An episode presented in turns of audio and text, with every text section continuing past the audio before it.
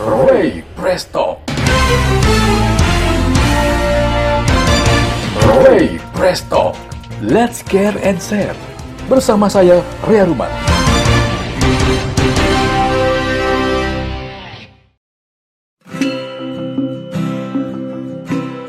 My Podcaster. Ada banyak cerita di balik pemberlakuan belajar daring di Nusa Tenggara Barat. Di Lombok Utara, ada SMK yang belanjakan dana bos untuk membelikan tablet dan bagi-bagi kuota gratis kepada siswanya. Namun lain lagi di Lombok Tengah, ada madrasah yang kesulitan mengkoordinir siswanya belajar daring karena tidak semua siswa memiliki handphone jenis Android. Lain lagi cerita dari Sekotong Lombok Barat dan daerah lainnya dengan fakta-fakta miris seputar problematika pembelajaran daring di musim pandemi corona. Bagaimana cerita selengkapnya? Yuk ikuti wawancara saya di obrolan hangat dan segar Ray Talk.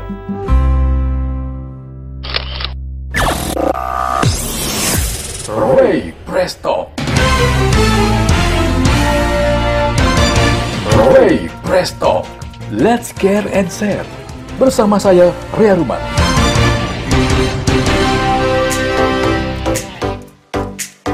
Assalamualaikum warahmatullahi wabarakatuh. Podcaster di mana pun Anda berada. Senang sekali bisa hadir lagi menjumpai Anda di Ray Prestock untuk edisi minggu ini. Eh, Kita akan berbincang-bincang mengenai fenomena belajar daring di era pandemi Corona. Dan untuk edisi kali ini saya telah terhubung dengan dua narasumber.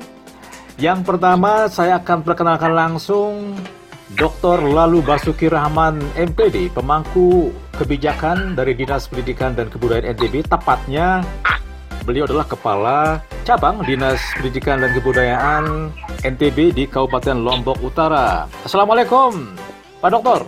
Waalaikumsalam warahmatullahi wabarakatuh. Yang kedua, eh, podcaster, saya juga khusus mengundang salah seorang pengajar dan juga orang penting di Madrasah Sanawiyah Negeri 2 Praya kalau nggak salah. Betul? Assalamualaikum, Pak Gusding Najamuddin SPD. Waalaikumsalam warahmatullahi wabarakatuh. Ya, Pak. MTS Negeri 2 Lombok Tengah, Bung Rey. MTS Negeri 2 Lombok Tengah ya, bukan Praya ya? Bukan. Lombok Siap. Tengah nomor 2. Ya, baik. sore. dikoreksi, dikoreksi. Ya, sebenarnya saya juga eh, telah mengundang salah seorang jurnalis senior NTB, Pak Didi Suhadi, mudah-mudahan bisa terhubung. Eh, sepertinya kita akan langsung saja untuk memulai eh, perbincangan pada kesempatan ini. Saya akan bertanya dulu kepada Bang Gusding, Bang Haji. Ah, gimana Ya, nih? ayo, siap, Ah, siap. Ah, sebelum nanti dikomentari atau dikritisi oleh Pak Dr. Lalu Basuki Rahman selaku pemangku kebijakan di tingkat ah, Dignas Ah, berkaitan dengan suka duka belajar daring di madrasah ah, Pak Haji bisa dije- di- diceritakan secara panjang lebar? Iya. Terima kasih Bung Rey. Selamat sore. Assalamualaikum Pak Dokter. Salam tazim, salam hormat dari dari Lombok Tengah. Iya, kebetulan saya ada di Mamben, Lombok Timur. Ini lagi ada cari silaturahim ini. Oh, di Mamben, ya? tersendat-sendat dikit sebenarnya. Iya. Iya, Bung Rey. Jadi eh, kalau kita bicara, ini kan kita bicara daring ya. Eh, jadi istilah yang saat ini memang sedang hits ini, sedang menjadi fenomenal di masyarakat ya terkait dengan pembelajaran daring atau pembelajaran online atau pembelajaran jarak jauh itu macam istilahnya ya.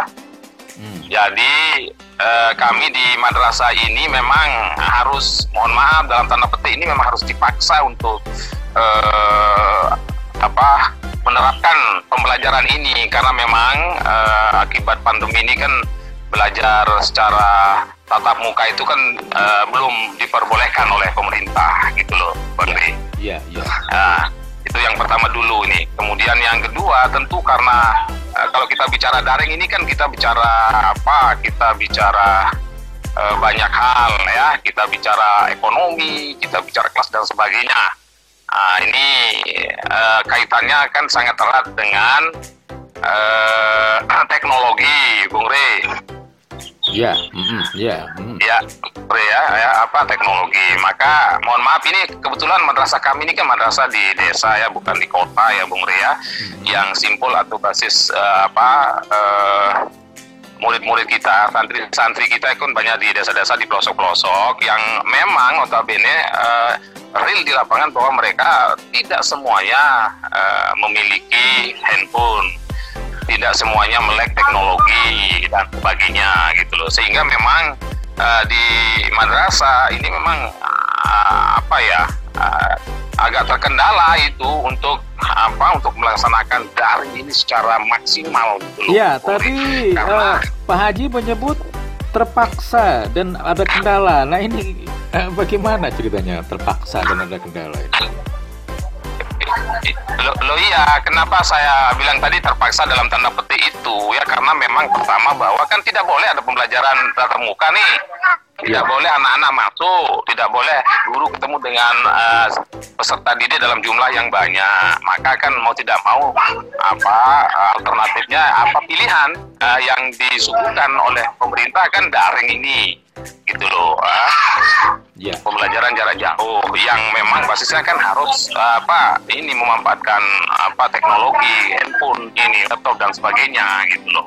Hmm. Nah, sementara di karena di uh, kondisi uh, peserta didik kami tidak sepenuhnya apa uh, ini uh, mempunyai HP misalnya. Oke okay lah mereka punya HP, tapi HP-nya tidak Android mereka punya HP Android tapi terkendala mungkin ya apa kuota jaringan dan sebagainya gitu loh sehingga memang ya kami ini apa ya uh, mohon maaf meskipun sudah berjalan memang dari ini kita berjalan tetapi ya apa melibatkan semua peserta didik ini masih apa uh, cukup sulit gitu. Sulit ya.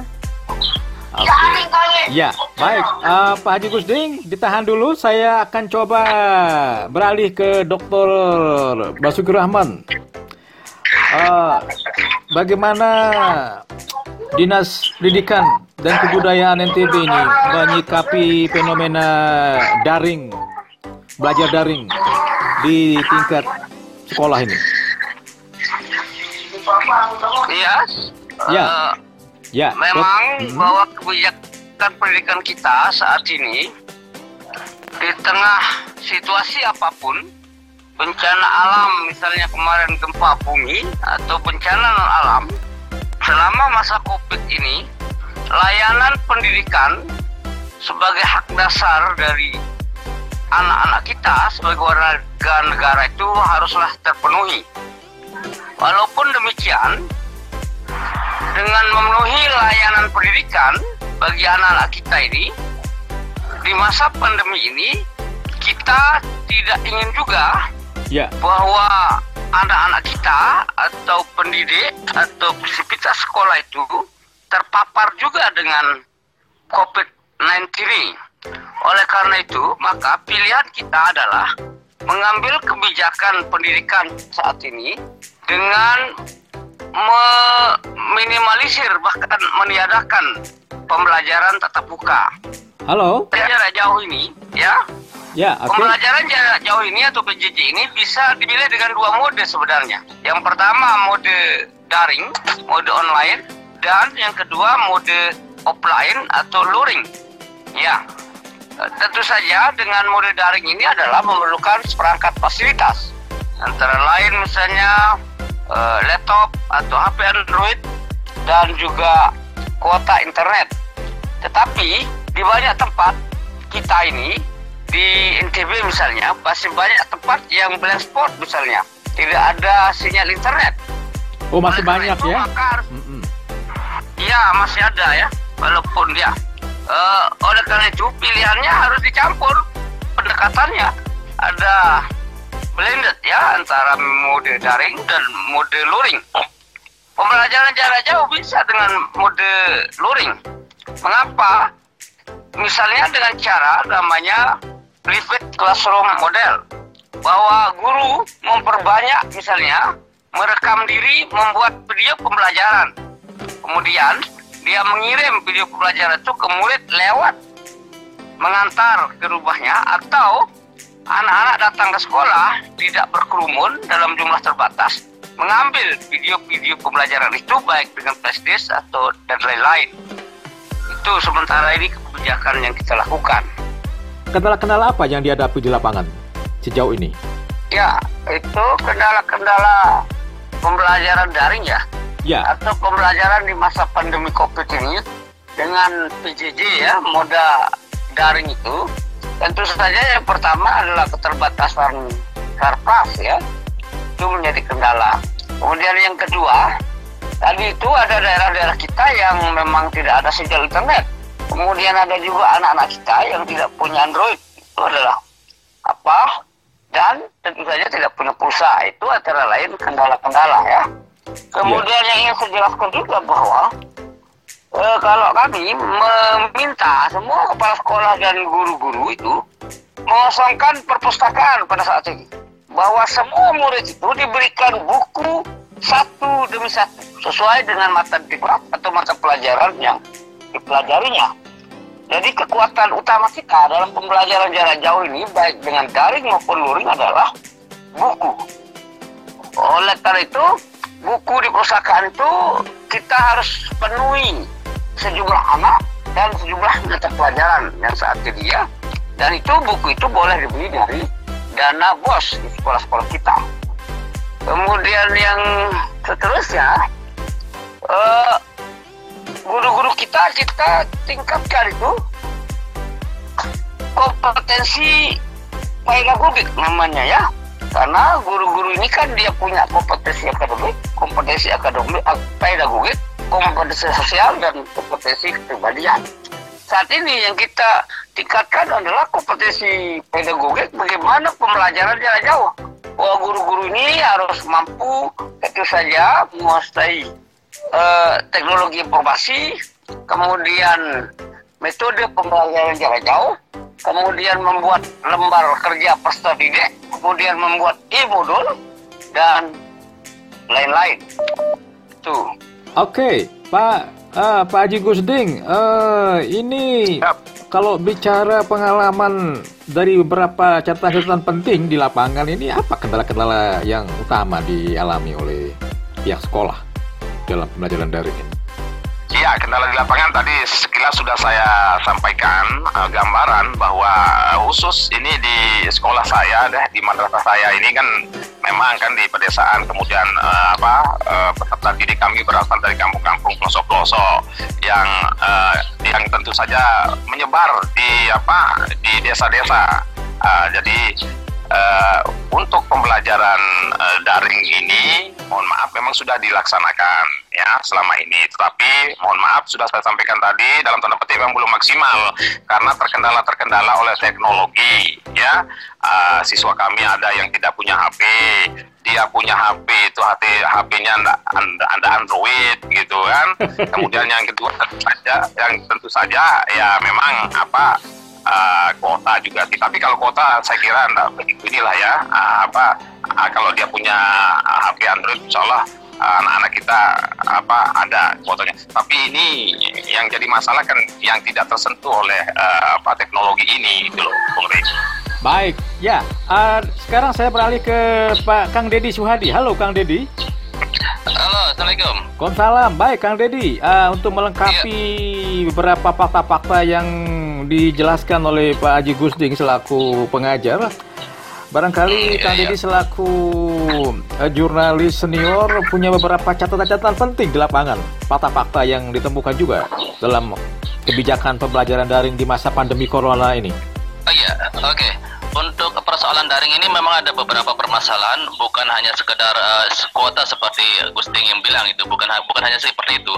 Kuota mungkin mungkin bisa terselesaikan. Yang permasalahan utama adalah eh, satu, kalau memang ini anaknya kemauan anak untuk belajar, ini persoalan sekali. Karena ya kan saat ini hanya orang-orang tertentu, maaf, eh, hanya orang-orang tertentu yang eh, begitu serius memperhatikan anaknya belajar. Selebihnya lebih banyak dibiarkan berkeliaran untuk bermain. Nah, itu juga persoalan yang eh, sebenarnya tidak bisa disalahkan sepenuhnya karena permasalahannya orang tua tuh belum tentu juga memahami persoalan daring itu sendiri. Teknologi ya. Nah, dan lagi juga ada lagi juga persoalan bahasa dalam pembelajaran. Ini uh, terutama untuk anak SD ya. Hmm. Mungkin sangat-sangat kesulitan. Uh, kita di Lombok uh, pembelajaran ini mungkin Gusti lebih paham adalah lebih banyak menggunakan bahasa daerah daripada bahasa Indonesia. Hmm. Sedangkan pelajaran yang di daring adalah bahasa Indonesia murni dan bahkan ada bahasa Indonesia yang terkesan baku sekali. Nah itu uh, jelas akan menyulitkan uh, siswa juga.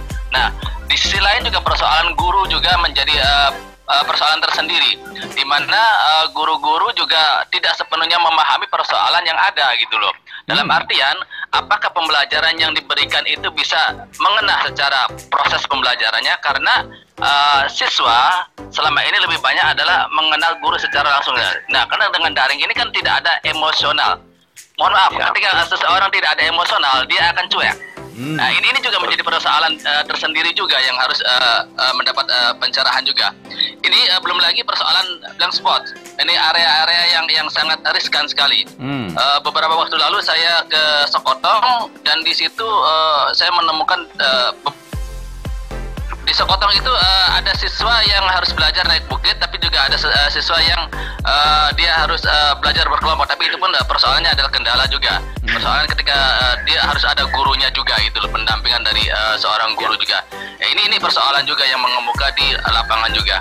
Baik. Nah, belum lagi misalnya ada sekolah yang satu atap nih Pak. Hmm. Ini persoalan juga sekolah satu atap kan uh, secara ini guru jelas kalau di satu atap kekurangan guru sedangkan siswa banyak. Nah ini juga menjadi persoalan sendiri-sendiri. Bagaimana mereka harus membagi waktu untuk uh, siswa SD. Baik. Ya, perlu pemecahan-pemecahan tersendiri. Oke. Okay. Ya. Untuk okay. saat ini itu ya. Ya, uh, saya kembali ke Pak Dokter. Ya. Halo, Pak Dokter. Halo. Ya, ya, ini gimana ini dengan fakta-fakta yang ada di lapangan, termasuk juga beberapa ibu-ibu mengeluhkan uh, bahwa daring ini lebih banyak mudarat daripada manfaatnya kata mereka. Ini gimana menurut uh, Pak Dokter ini? Fakta-fakta ini? Iya ya. Dalam masa pandemi ini tetap pendekatan pembelajaran jarak jauh itu dengan dua mode tadi ya, dengan mode daring dan mode luring. Kemudian mengenai situasi emosi dan psikis baik itu guru maupun anak, kalau kami selalu mem memotivasi guru-guru itu menggunakan pendekatan PAIKM ya, pembelajaran inovatif, aktif, kreatif, efektif, dan menyenangkan. Nah, Pakem. Kemudian yang Paikem. Oh, Paikem ya. namanya ya? Iya, uh, Paikem. Kemudian yang kedua, uh, sebisa mungkin guru itu misalnya kalau membuat video pembelajaran itu sendiri. Jadi kalau kendala bahasa di kelas rendah di SD itu, maka disesuaikan seperti cara mengajarnya di kelas. Tapi guru itu merekam dirinya atau direkam oleh orang lain. Kemudian itu yang dikirim ke rumah anak-anak itu dalam bentuk CD maupun flash disk ya. Kemudian boleh juga kalau keadaan terpaksa mm-hmm. itu boleh namanya guru kunjung atau home visit ya di rumah gitu yeah. itu itu kita ya halo. Halo. Kita gabungkan antara daring dan luring. Ya gimana? Baik. Ya ini uh, kebijakan daring ini apakah akhirnya nanti akan diberlakukan secara permanen atau atau gimana ini? Kelihatannya menurut SKB Menteri Pendidikan dan Kebudayaan, Menteri Agama, Menteri Dalam Negeri dan Kepala BNPB ini, ini kan kalau di zona hijau itu boleh dilakukan tatap muka dengan cara sip-sipan ya, dengan cara kelompok, ya, ya berkelompok dan waktunya. Tapi kalau di lain zona hijau kan belum boleh mudah-mudahanlah kita ini dalam waktu setelah September ini bisa kita berada pada zona hijau. Kali itu sangat tergantung pada doa dan ikhtiar kita semua ya. Ya. Baik. Ya, saya kembali ke Pak Haji Gusding. Gimana ini dengan uh, konsep uh, daring ini belajar merdeka atau gimana? Kalau dari dari pandangan Pak Guru, lebih enak daring apa luring? Online apa offline ini? Iya, tadi kan sudah uh, saya sampaikan panjang lebar ya bahwa apa uh, jelas secara emosional tadi sudah disinggung juga oleh Mas Didi itu bahwa pembelajaran ini kan semestinya idealnya itu kan ada interaktif itu Bung Re ada guru menyampaikan, ada siswa mendengar secara langsung sehingga secara emosional itu dia eh, apa terjalin gitu loh.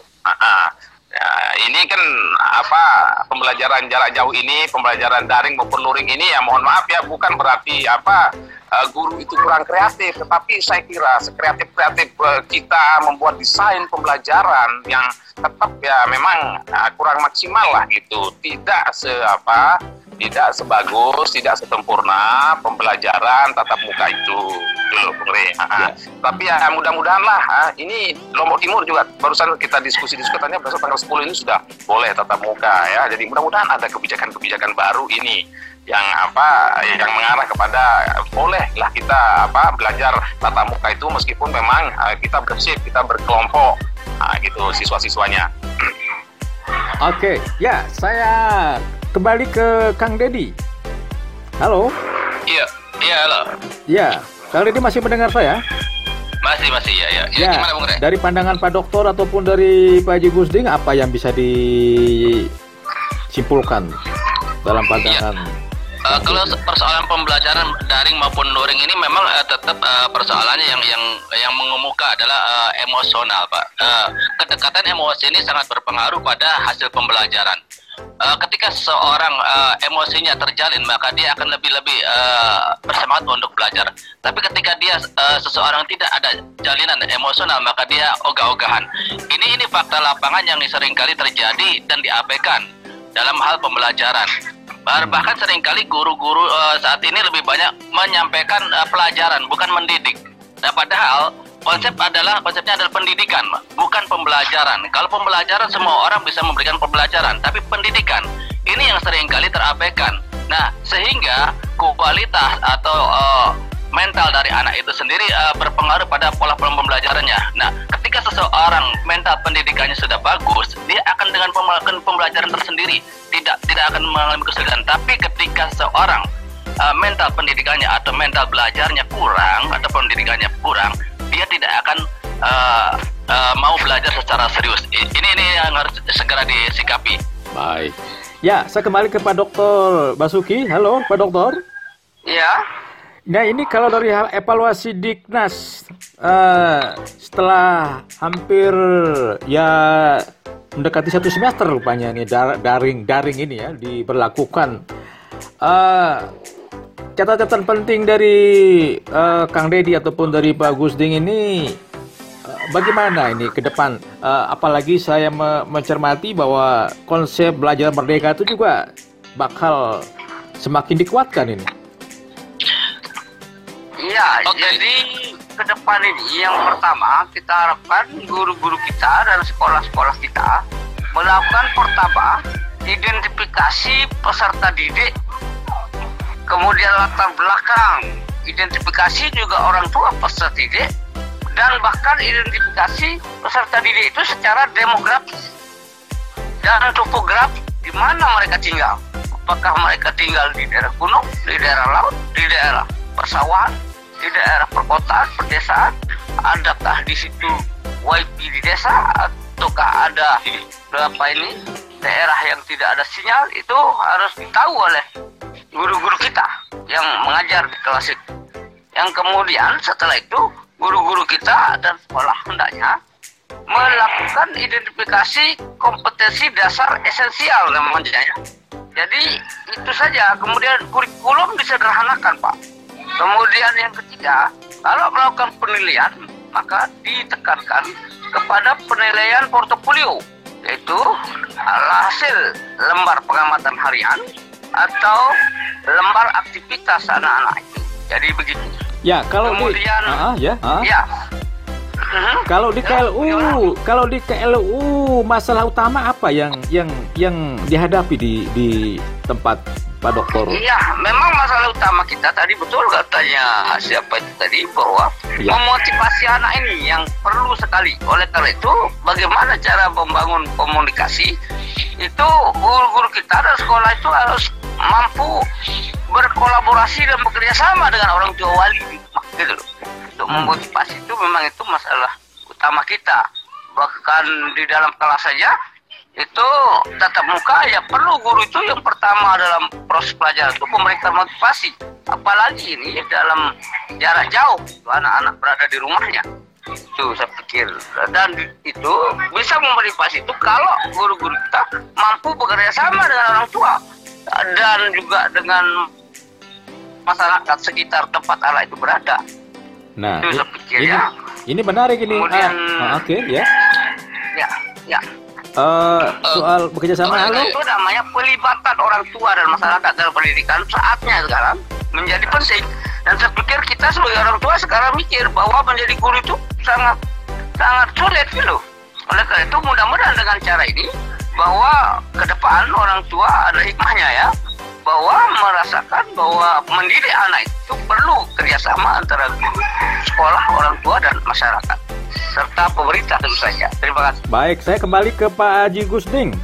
Sejauh ini gimana kerjasama guru atau sekolah dengan pihak orang tua ini untuk memotivasi peserta didik agar bisa maksimal mengikuti daring yang Ya, kayaknya beban Ya. ini buat Pak Pak Pak Pak Haji di sebagai tenaga pendidik ini.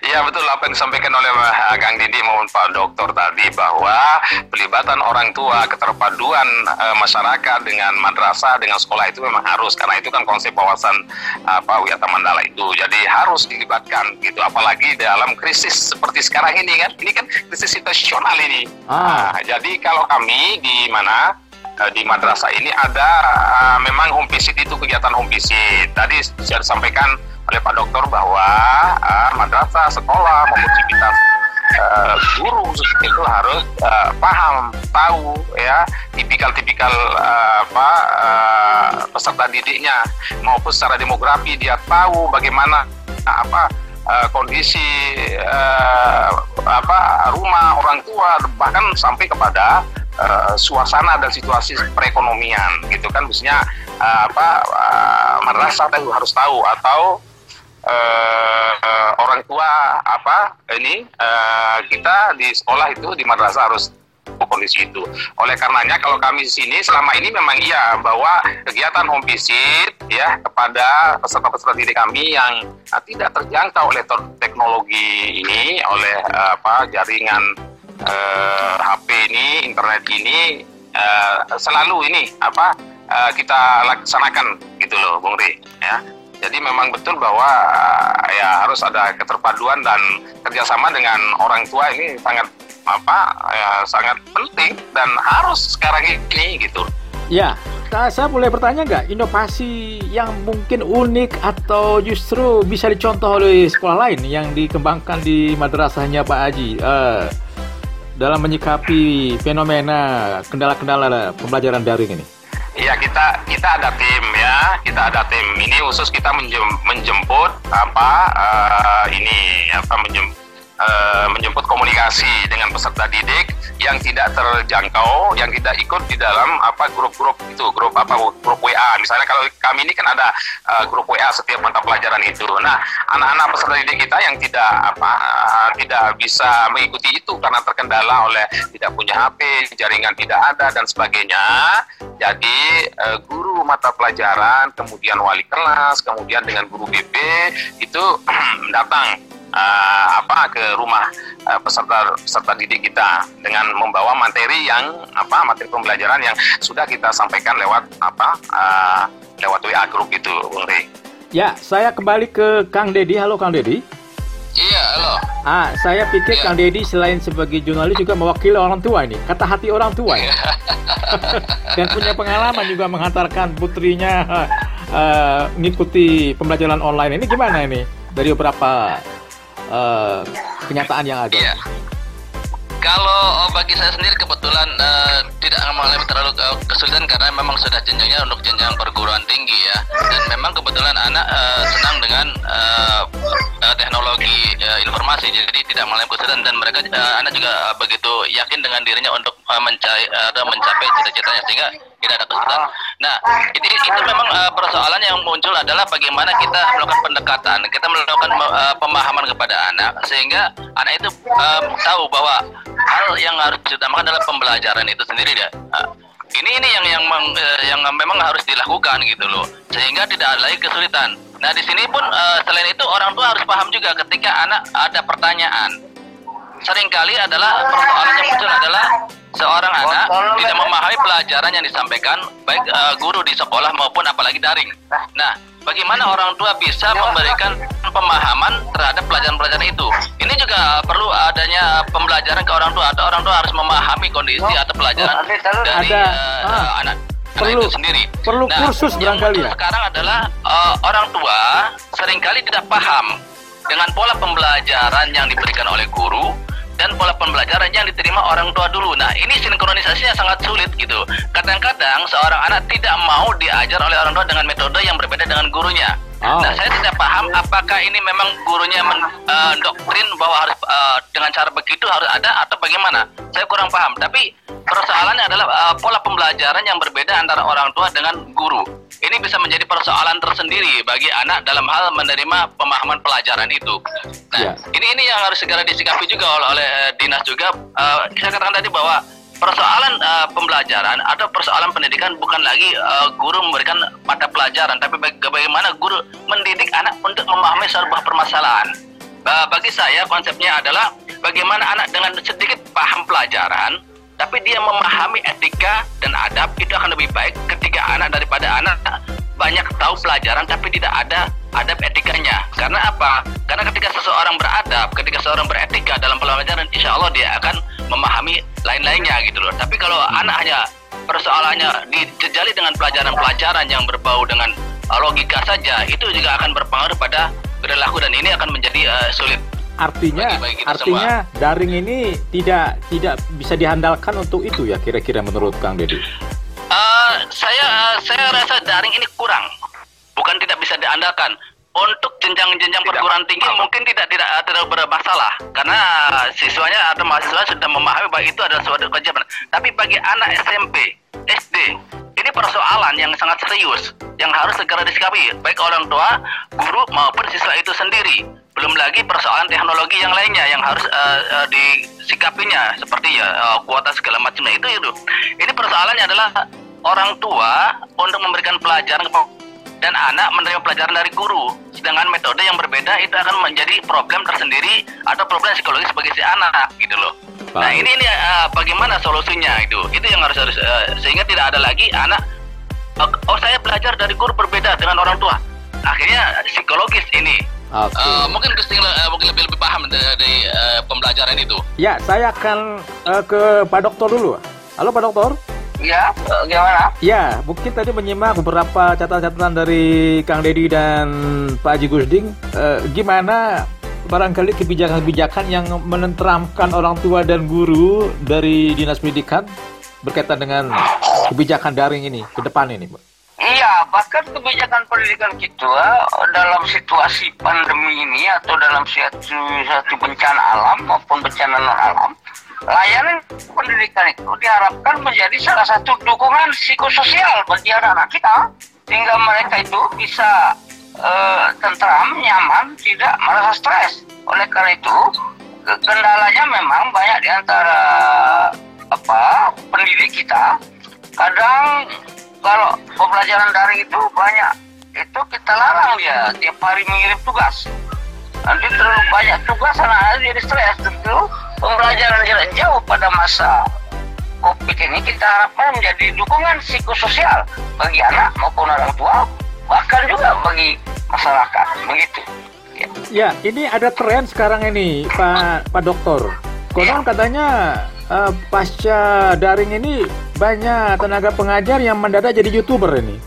Iya, memang itulah guru kita ini gitu. Tapi yang Ya. yang justru menjadi aneh itu ketika gurunya meminta muridnya untuk eh, semacam tanda kutip memaksa murid-muridnya melike, share, and subscribe ini.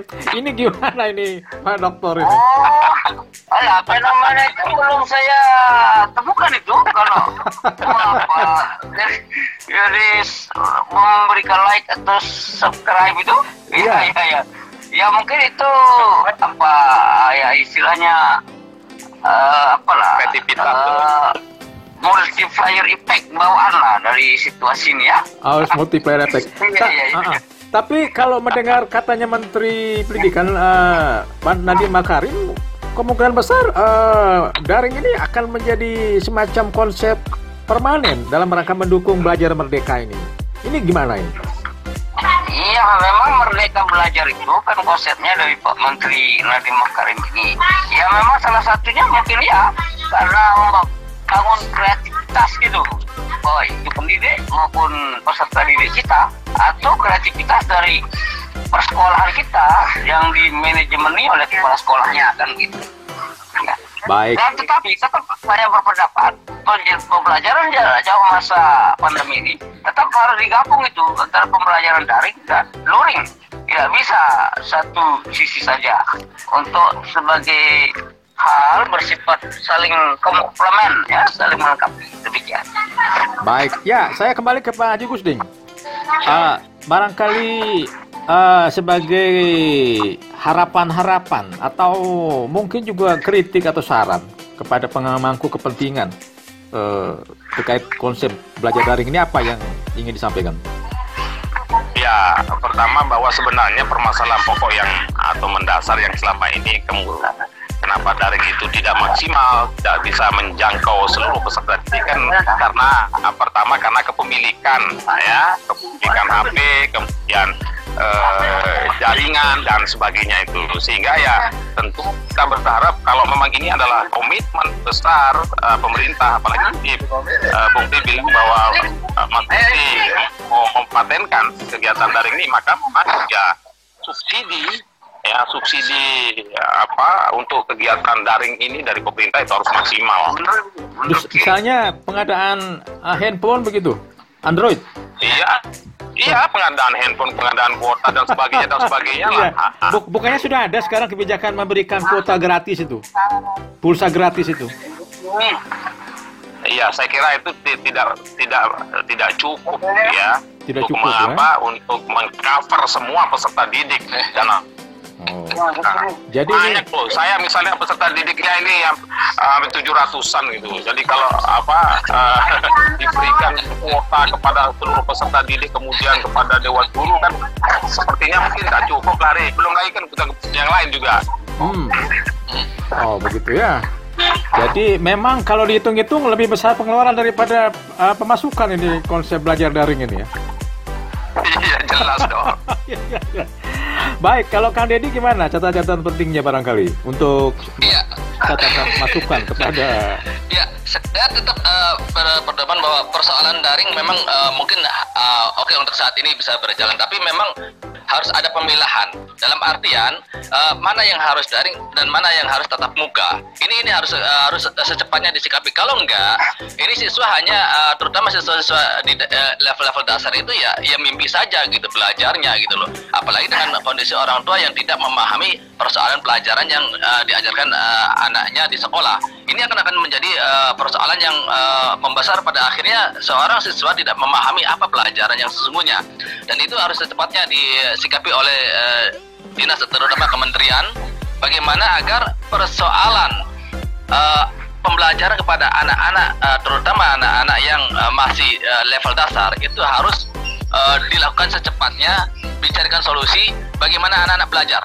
Jangan hanya berpikir daring selesai. Tidak. Daring tidak menyelesaikan masalah untuk anak level belajar eh, awal. Daring hanya bisa diselesaikan oleh anak-anak yang eh, level lanjutan Nah, ini ini permasalahan. Jadi, bagaimana menyelesaikan pembelajaran di level awal, bagaimana eh, seperti tadi di demografi segala macam di, di, dikaji ulang oleh gurunya segala macamnya sehingga menemukan satu metode, satu eh, pembelajaran menyelesaikan masalah tanpa masalah, gitu loh.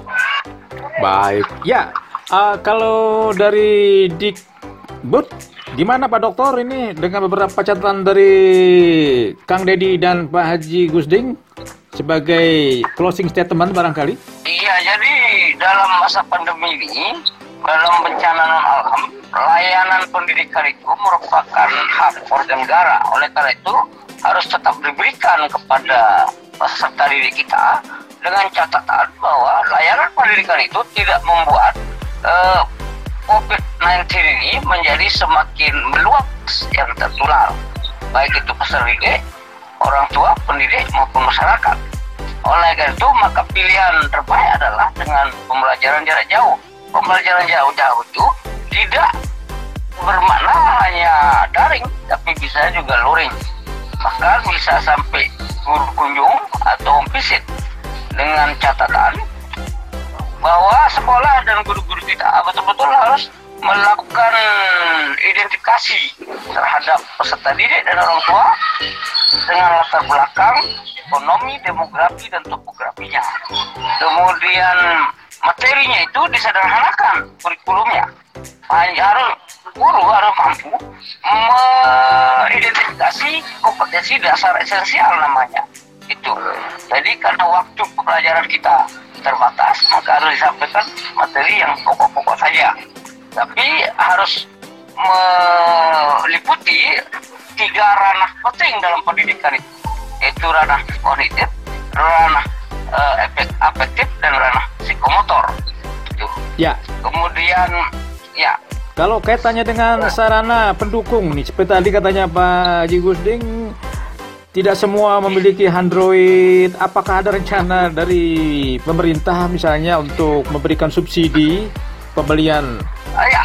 Eh. Baik, kalau anu, kalau pemerintah pusat sekarang bahkan itu pertama manajemen sekolah itu betul-betul me- manajemen pendidikan berbasis sekolah. Bahwa anggaran misalnya pos itu betul-betul kewenangan sekolah untuk melakukan sana kerja anggaran sekolah ya. Termasuk Bahkan- untuk pembelian handphone begitu? Ya, bahkan sekarang itu Kementerian Pendidikan dan Kebudayaan itu memberikan namanya ada bos afirmasi dan bos kinerja. Itu diberikan kepada murid-murid itu bahkan satu orang satu tablet. Ya. Oh, Kemudian yang kedua, kalaupun sekolah mampu itu di sekolah SMA SMK ini banyak sekolah studi KL itu memberikan juga pulsa kepada peserta didik.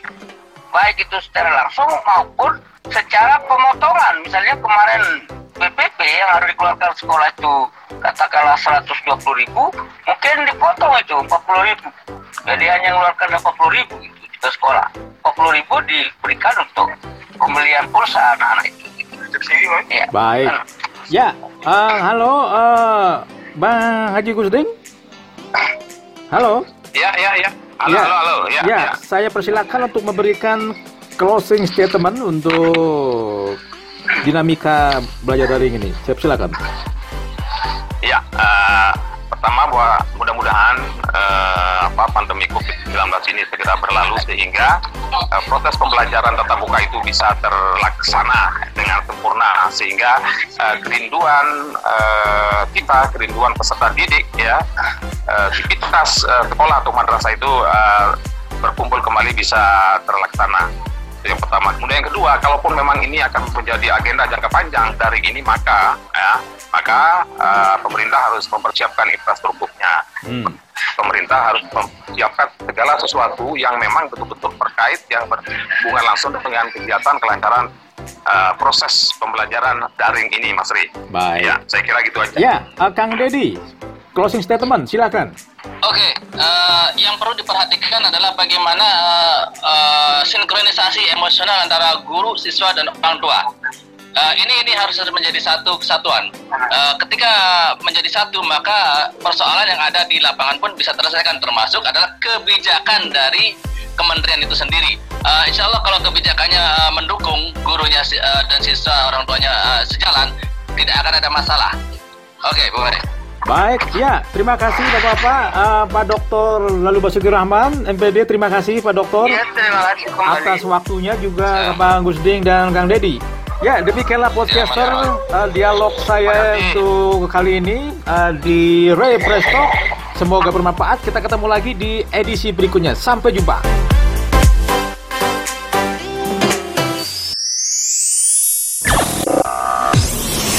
Ray Presto. Ray Presto.